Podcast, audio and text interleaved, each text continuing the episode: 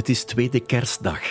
Op Zaventem staat Carol, 45 jaar, naar het grote aankondigingenbord te kijken. Ik was vastberaden.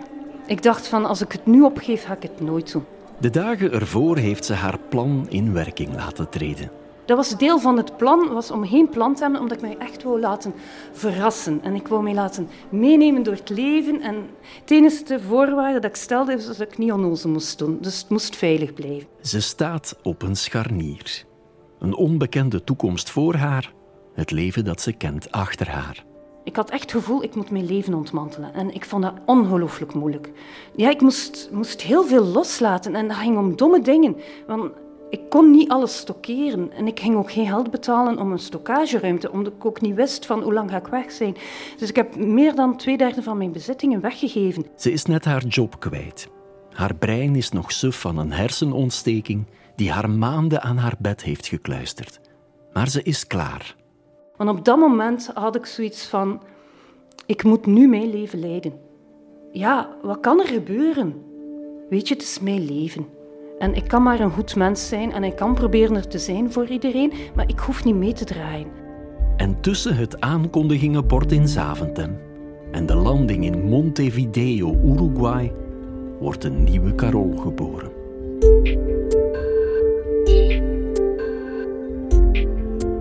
Mijn naam is Wart Bogaert en Carol is de hoofdrolspeler in deze aflevering van Iemand. Een podcast met buitengewone verhalen van doodgewone mensen. Van iemand, maar niet zomaar iemand. Carol bijvoorbeeld.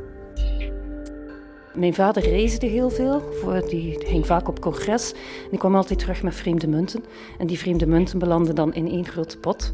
En dat stond op het secretariaat in de woonkamer. En ik haalde die heel graag boven en ik legde dan al die muntjes uit. En dan was ik aan het kijken van welk land. En de, de, probeerde ik zo die, die geschriften na te bootsen. Want dan kon ik Arabisch schrijven. Niet dat ik wist dat dat Arabisch was, hoor, maar dan maakte ik die zwiezels na. En ja, ik zie me nog zo bezig met die muntjes en dan hoopjes maken, de Amerikanen bij de Amerikanen. Ja, niet dat ik. En ik had ook een hele grote puzzel met uh, allemaal landsvlaggen op. En dan stelde ik die vlaggen samen. Ik vond en ik vind familie soms wel echt verstikkend. En ik heb graag meer ruimte en ik heb ook graag mijn eigen ritme en ik ben graag alleen. En ik weet als kind dat ik graag in de bomen kroop. En dan zong ik voor de vogels. of uh, ik zat dan met mijn cavia te spelen. Ik was heel graag met dieren bezig als kind. Veel liever dan met mensen. Ik droomde altijd dat ik een paard zou hebben.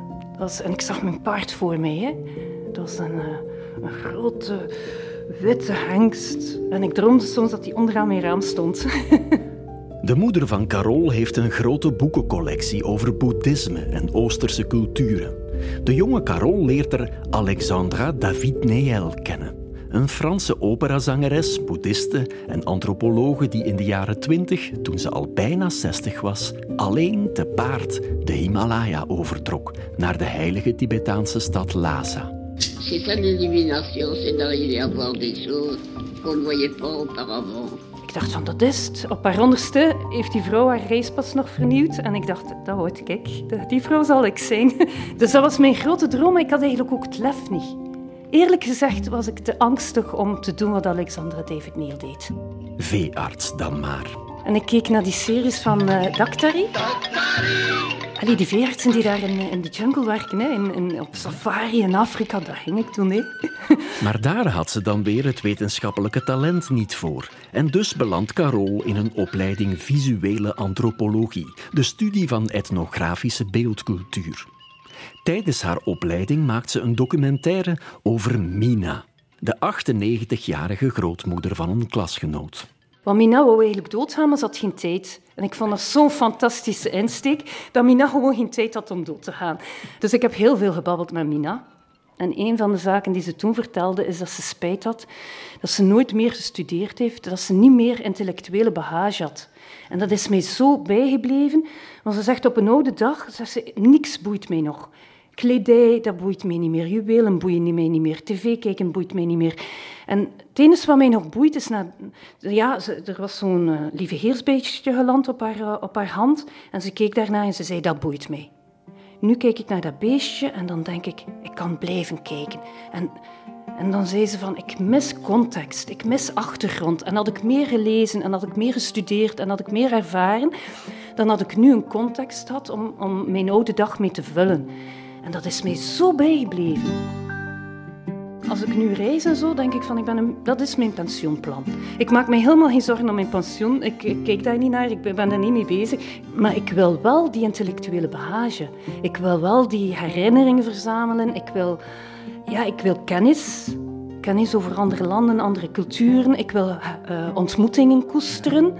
Ik wil, dat wil ik. Ik wil zo een, een gigantische doos van herinneringen en denkbeelden en, en, beelden en klanken, waar dat ik op mijn oude dag, op mijn gemak in de zetel, aan kan terugdenken. En je wil een verleden hebben voor in de toekomst. Eigenlijk wel, dat is mooi gezegd, ja. Een verleden voor in de toekomst, ja. Maar opnieuw ontbreekt het Carol aan het lef van Alexandra David Neel om haar dromen en levensidealen om te zetten. Ze maakt documentaires voor onder andere de BBC en de BRT, verdient stevig haar boterham, tot ze door een reorganisatie van haar bedrijf haar job verliest. En het is ook rond die tijd dat de hersenontsteking de kop opsteekt.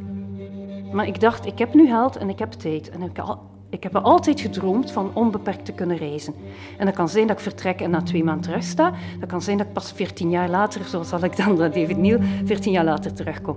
Maar die droom had ik. En ik had zoiets van, nu, nu heb ik, nu heb ik het. Al de ellende erbij genomen, maar ik ben zo dankbaar voor die hersenontsteking. Want dat heeft mij vertrouwen gegeven. Vertrouwen om eindelijk de vrouw te worden die ze misschien al van in haar kindertijd in zich droeg. Carol neemt afstand van zowat al haar bezittingen en neemt aan de kersttafel afscheid van haar familie. Het enige wat ik wou was een goedkope vlucht. En ik was naar een reisbureau gegaan en gevraagd van kijk, eh, wanneer is de goedkoopste dag om te vliegen? Want ik wou absoluut nog kerst met de familie doorbrengen. En dan hadden ze gezegd van tweede kerstdag is een dag dat niemand wil vliegen. Nu alleen nog een bestemming. Mijn grote droom was Mongolië-Tibet. Zoals haar grote voorbeeld Alexandra David Neel. Maar ik dacht, met mijn hoofd dat nog maar half draait kan het best zijn dat, dat het niet lukt. Dat, dat, want ik was nog overgevoelig aan geluid, overgevoelig aan, aan energie. En zo dicht zoals dat wij nu zitten, zou ik niet kunnen verdragen hebben. Dus ja, ik had zoiets van, ik moet naar een land gaan waar dat de cultuur niet zo drastisch anders is dan die van mij. Zodanig dat ik, het, dat die overgang kan maken en waar dat ik de taal zal kunnen leren.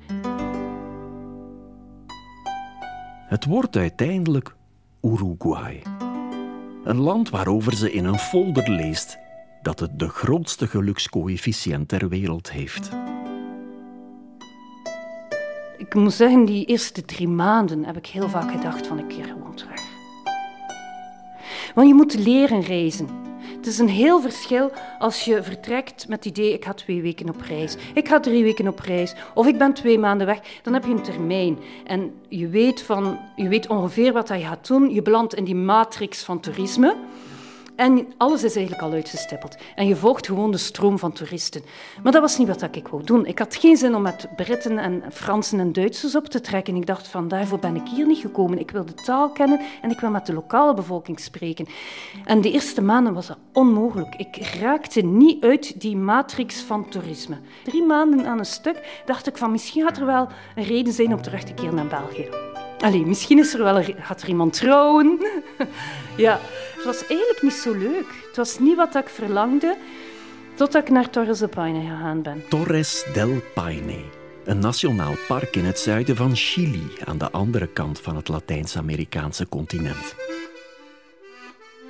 Die, die schoonheid van die plek was zo overweldigend. Ik weet nog dat ik op een bepaald moment mijn eerste gletsjermeer zag, dat ik beginnen applaudisseren ben. En ik dacht van, dat is nu zo'n absurde reactie, maar ik dacht van, dat is het.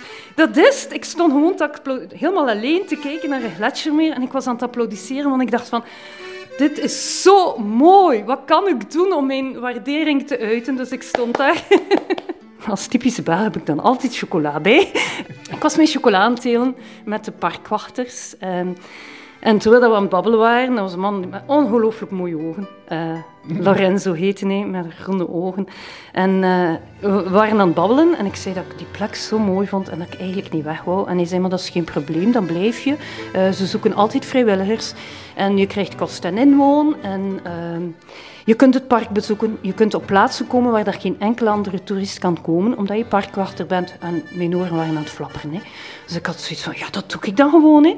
En ondertussen passeerde een, een gaucho, dus een, een man te paard, de, de lokale Chileense cowboys, die uh, ook een typische tuniek dragen met een, een baret, zo'n soort Franse baret, uh, met die peineras, dat zijn zo leren... Uh, beenbeschermers. Dus een, een, typische dracht. En met zo'n espadrille. Dus zo'n rieten met een, met een stofje. Dat, dat, dat dragen ze dan op een paard. Met die grote zware zadels met, schapenvachten op, die nadien gebruikt worden om te slapen. Uh, die mannen leven in het veld. Hè. En uh, ik had zoiets van, dat is het. Dat wil ik doen. Carol droomt weer van die witte hengst die onder haar raam komt staan. En ze had bovendien zeer relevante ervaring om voor te leggen op het sollicitatiegesprek met de verantwoordelijke voor de parkwachters. Tot mijn twintigste heb ik vrij uh, regelmatig gereden, al de niveautjes van blozo doorlopen. Dus ik had zoiets van, ik kan wel rijden. Um, ik had als student ook uh, met de koetsen in Brugge gereden. Ik vond mezelf de paardenfluisteraar. Ik had zoiets van, ik kan het wel. Maar het woord gaucha, de vrouwelijke vorm van gaucho, bestaat niet in het Spaans. Alleen mannen galopperen met barret en peñeras over de Chileense hoogvlaktes. En dan zijn er twee dingen gebeurd, buiten mij weten om. En ik heb dat pas maanden later in het park ontdekt. En ik ben blij dat ik toen niet wist. Eén was dat die coaches altijd in teams uitrijden, per twee. En niet alleen mogen uitrijden. En er was één team opgesplitst. En ze zochten dringend een nieuwe gaucho. Een tweede feit was dat de grote baas wou bewijzen dat vrouwen evenwaardig waren als mannen. Dus dat vrouwelijke parkwachters konden doen wat mannen deden. En dus dat ze een vrouw op het team van de coaches gingen zetten. En wie had er op dat moment net gesolliciteerd? Bibi. Bibi wordt gekoppeld aan Dario, een van de meest ervaren gauchos van Torres del Paine. En ik dacht van, help, waar ben ik mee begonnen? En dan, uh, dan bleek dat mijn rijden op niks trok. Ik kon niet rijden. Hoe ze daar rijden, ze halopperen die bergen af. Ze, ze halopperen uren aan een stuk. Dus echt, ze beginnen voor een half uur, een uur. En dat is een manier om warm te blijven. En wat kun je veel gaan halopperen in de buurt van Brugge? Ik bedoel, ik deed wandelingen te paard rond Brugge en dan haloppeer je over een veld dat afgemaaien is. Maar hoeveel? Dat is 500 meter. Daar waren de kilometers dat wij galoppeerden. Ik had een bepaald moment zelf blijnen op mijn poep. Wij reden acht uur per dag. Ik was daar niet toe in staat. Ik was doodop. Ik kwam thuis, dat was eten en ik viel om. Ik viel om en ik, ik lag al te slapen. En ik genoot ervan. Ik vond het fantastisch. Ik was... Fysisch was het verschrikkelijk oncomfortabel. Ik had koud, we reden in de wind, in de regen. Ik was soms verkleumd. Momenten dat we dan van ons paard moesten stappen, dat ik er gewoon niet meer op kon dat ik te verkleumd was. Dan, en mijn partner was zo ongelooflijk. Die heeft mij in alles gesteund. Die heeft mij nooit veroordeeld, omdat hij vond dat ik de wil had. En dat zei heel vaak, la volontat. En het is, het is iets meer dan wil, het is ook... Uh, het is kracht en wil, een combinatie van... En hij zei van, dat heb je en je geeft niet op. En het is de volontat die een soort onverschrokkenheid wakker maakt in Carol. In de kortste keren is ze gaucha onder de gauchos. En ik herinner me nog dat we op een bergkem aan het rijden waren en dat de condors onder mij vlogen. Dus ik keek op de vleugels van die condors. Maar ik dacht van, allee, het kan me niet schelen. Ik mag nog zo kou hebben, nog, zo, nog zo'n honger hebben, nog zo oncomfortabel zijn als ik groot ben. Maar dit is, dit wil ik voor geen held ter wereld missen. En dat was de eerste keer dat ik besefte dat ik gelukkig was. Op het moment zelf. Dat ik niet in retro terugdenk van, ah, maar toen was ik echt gelukkig. Maar op het moment zelf dacht ik van, beter wordt het gewoon niet. Dit is het. Uh, ja.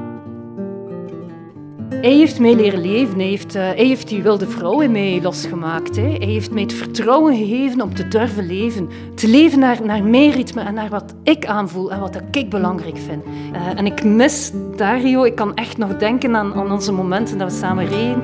Die man is niet online, die heeft geen gsm. Ik heb nog geprobeerd van hem te contacteren, maar dat gaat dus niet. Die, die, ja, ik weet geen flow idee. Maar ik droom nog altijd van terug te gaan. Van hem ergens nog een keer te ontmoeten.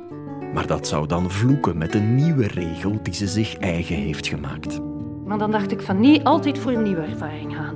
Niet terugkeren naar wat hij kent, gaat voor een nieuwe ervaring. Want dan, ja, ik vind dat ook belangrijk dat je groeit en dat je nieuw, nieuwe dingen leert. En dus trekt de gaucha verder. Ze droomt ervan om per boot via oude Inca-routes in Machu Picchu in Peru te belanden. Maar via allerlei omzwervingen, die ze zich wel laat gevallen, komt ze in Otavalo in Noord-Ecuador terecht. En daar gebeurt het ondenkbare. En daar ben ik van mijn paard gevallen, ik de grote gaucha. Het paard heet Picador en leeft in een stoeterij waar Carol werk vindt. En dit was een paard dat eigenlijk nog niet bereden was geweest. Anders ben je nu gezegd op voorhand. Met al mijn ervaring nu zou ik zelf geweigerd hebben van dat paard te bereden.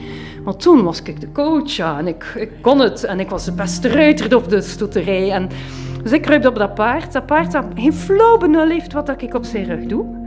Een, mak lief dier geen kwaad van zin, maar ik geef hem... Allee, ja, dus ik span mijn benen aan als signaal van kom, vooruit. Dat paard heeft geen flow idee wat ik aan het vragen ben.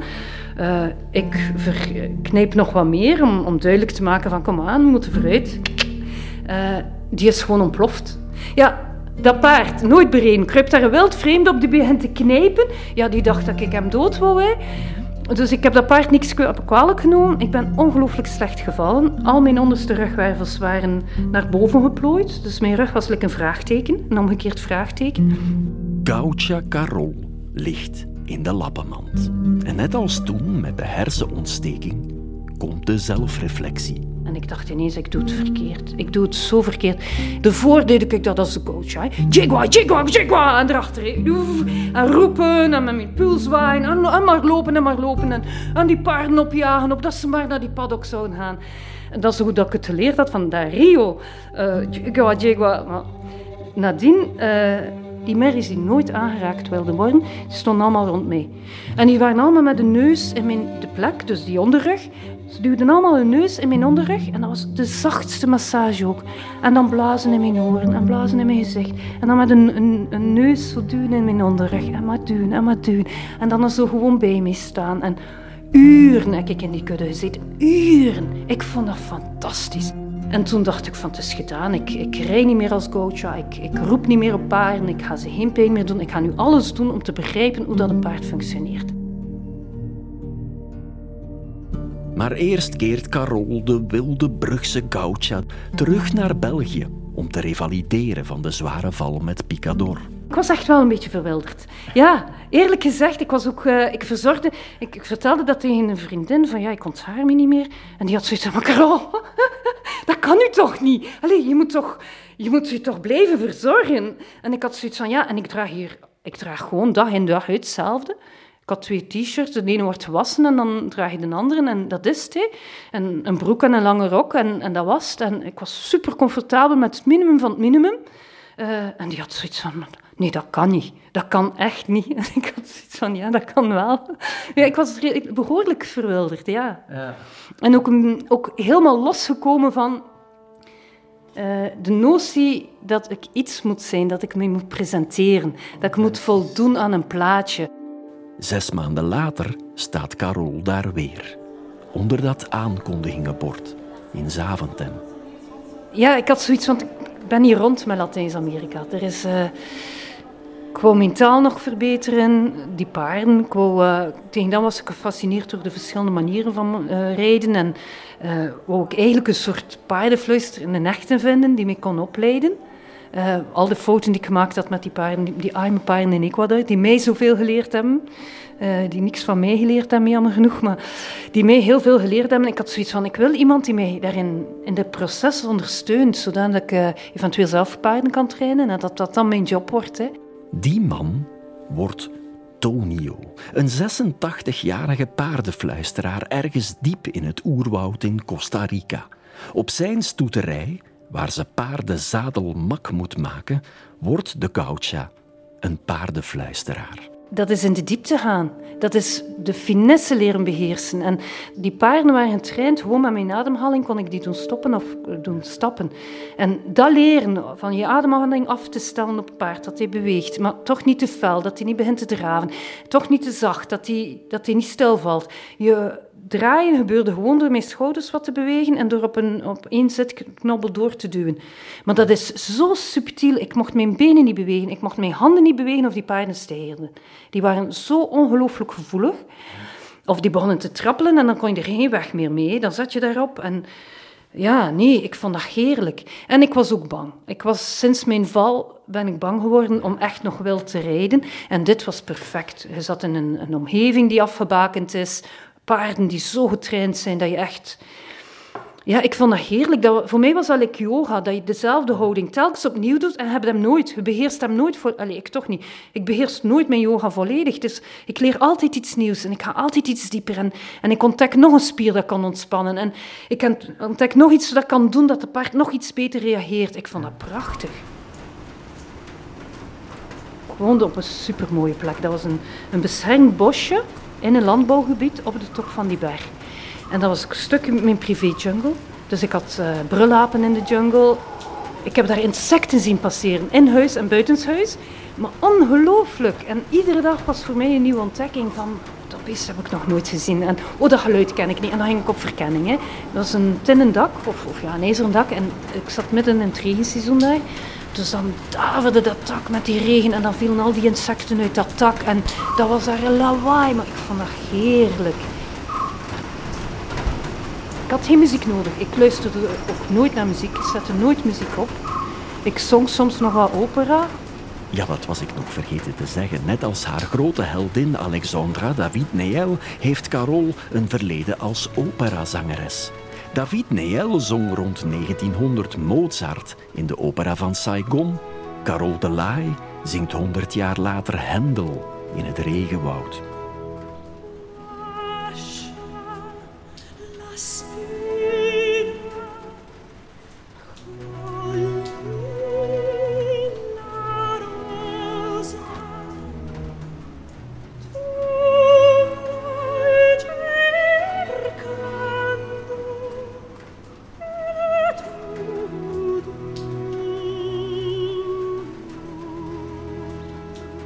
Carols onrustige natuur en een conflict met Tonio maken ook aan het Costa Ricaanse avontuur al snel een einde.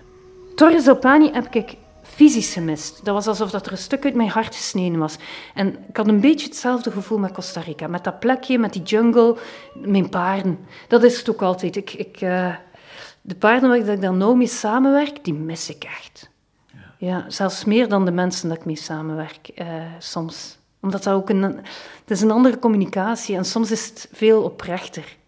Want ja, er komt geen taal intussen, hè. er komt geen gesproken taal intussen. Ja. Het, het, gaat om lichaamstaal, het gaat om energie, het gaat om aanvoelen. En soms vind ik dat eerlijker. En dan ben ik uh, naar Minka gegaan, dus ik heb dan een zeiltocht gedaan mm, langs de San Blas-eilanden tot Cartagena. Dat was weer zo'n naam like Ushuaia, Titicaca, uh, Machu Picchu. Dat zijn zo'n namen die ik al van mijn kindertijd hoor en die mij altijd hebben nagesproken. En dan moest ik daar naartoe. Carol is nu eind de veertig. Drie jaar geleden brachten een ontslag en een hersenontsteking haar dichter bij wie ze droomde te worden toen ze een kind was, dat vreemde munten zat te sorteren, dat las over de avonturen van Alexandra David Neel. Tegen wil en dank geraakt Carol als getuige betrokken bij een verdwijningszaak die haar tijd in Colombia helemaal overschaduwt. Na een proces van vier jaar, waar ze als kroongetuige wordt opgeroepen, keert ze terug naar België. Ze gaat er, uiteraard, met paarden werken en dan breekt corona uit. En dan zei mijn huid zwart op dat moment, want toen was ik weer volledig in België gezetteld zei mijn huisarts van, uh, weet je wat, ga naar Portugal. Uh, Portugal heeft heel weinig covid-gevallen en uh, heeft een goed gezondheidssysteem. Dus ga je gewoon een paar maanden naar Portugal en gaat daar goed zitten. En ik zocht vluchten. En ik dacht van, maar Portugal, zo saai. En ik wil wel bij de zee zitten. En ik dacht van, oh nee, dan zit ik op de Algarven en ik heb daar geen zin in. En ik wil wilde natuur en, en een pop-up, uh, Azoren. Vlucht naar de Azoren voor 40 euro. Ik dacht, oh, ik ga naar de Azoren. Geen flauw idee waar dat lag. Geen flauw, ik wist alleen dat dat Portugal was. Dus ik dacht van, technisch voldoe ik aan de eisen van mijn huisarts. Ik ben verantwoordelijk. Eh, ik, ga, ik neem geen risico's met mijn, ik loop geen risico's met mijn gezondheid. Ik zit nog altijd in Portugal, maar wel in de Azoren. Is de wilde vrouw getemd? Oh nee, nee, nee, ze is wilder dan ooit. Ze, ze leeft echt wel, maar uh, het is... Uh, ik trek mij van alles veel minder aan. Ik vind veel minder dingen belangrijk. Ik, ik sta soms te kijken. De meeste van mijn vriendenkring uh, steven af op een burn-out, zitten in een burn-out, gaan naar een depressie op. Dat ik denk van, maar stap eruit. of doe iets anders. En voor mij lijkt dat nu zo evident. Ah ja, als het je niet aanstaat, dan doe je gewoon iets anders. Dus heel dat proces dat ik zelf doorgemaakt heb, dat maanden geduurd heeft, en dat ook dankzij de omstandigheden was, dat dat mogelijk was, dat er geld was, dat er tijd was. Ja, dan heb ik zoiets van, nu, nu is dat een mechanisme geworden. Als iets mij niet aanstaat, dan pak ik mijn zaken en ben ik gewoon weg, zoek ik iets nieuws op. Um, wat niet altijd goed is, hè. dus ik vind het ook wel goed van nu te proberen toleranter te zijn en te proberen aanvaarden wat ik niet fijn vind in die maatschappij en te proberen hun kant van de zaken te zien. Maar ik heb vaak, als ik mensen hoor klagen over een job of over... Uh, de relaties, dan denk ik, maar pakt op en vertrekt. Allee, doe gewoon iets anders. Dat is nu een evidentie geworden voor mij. En ik denk dat dat die wilde vrouw is. Dat ja, een ander gaat mij niet meer zeggen hoe dat ik moet leven.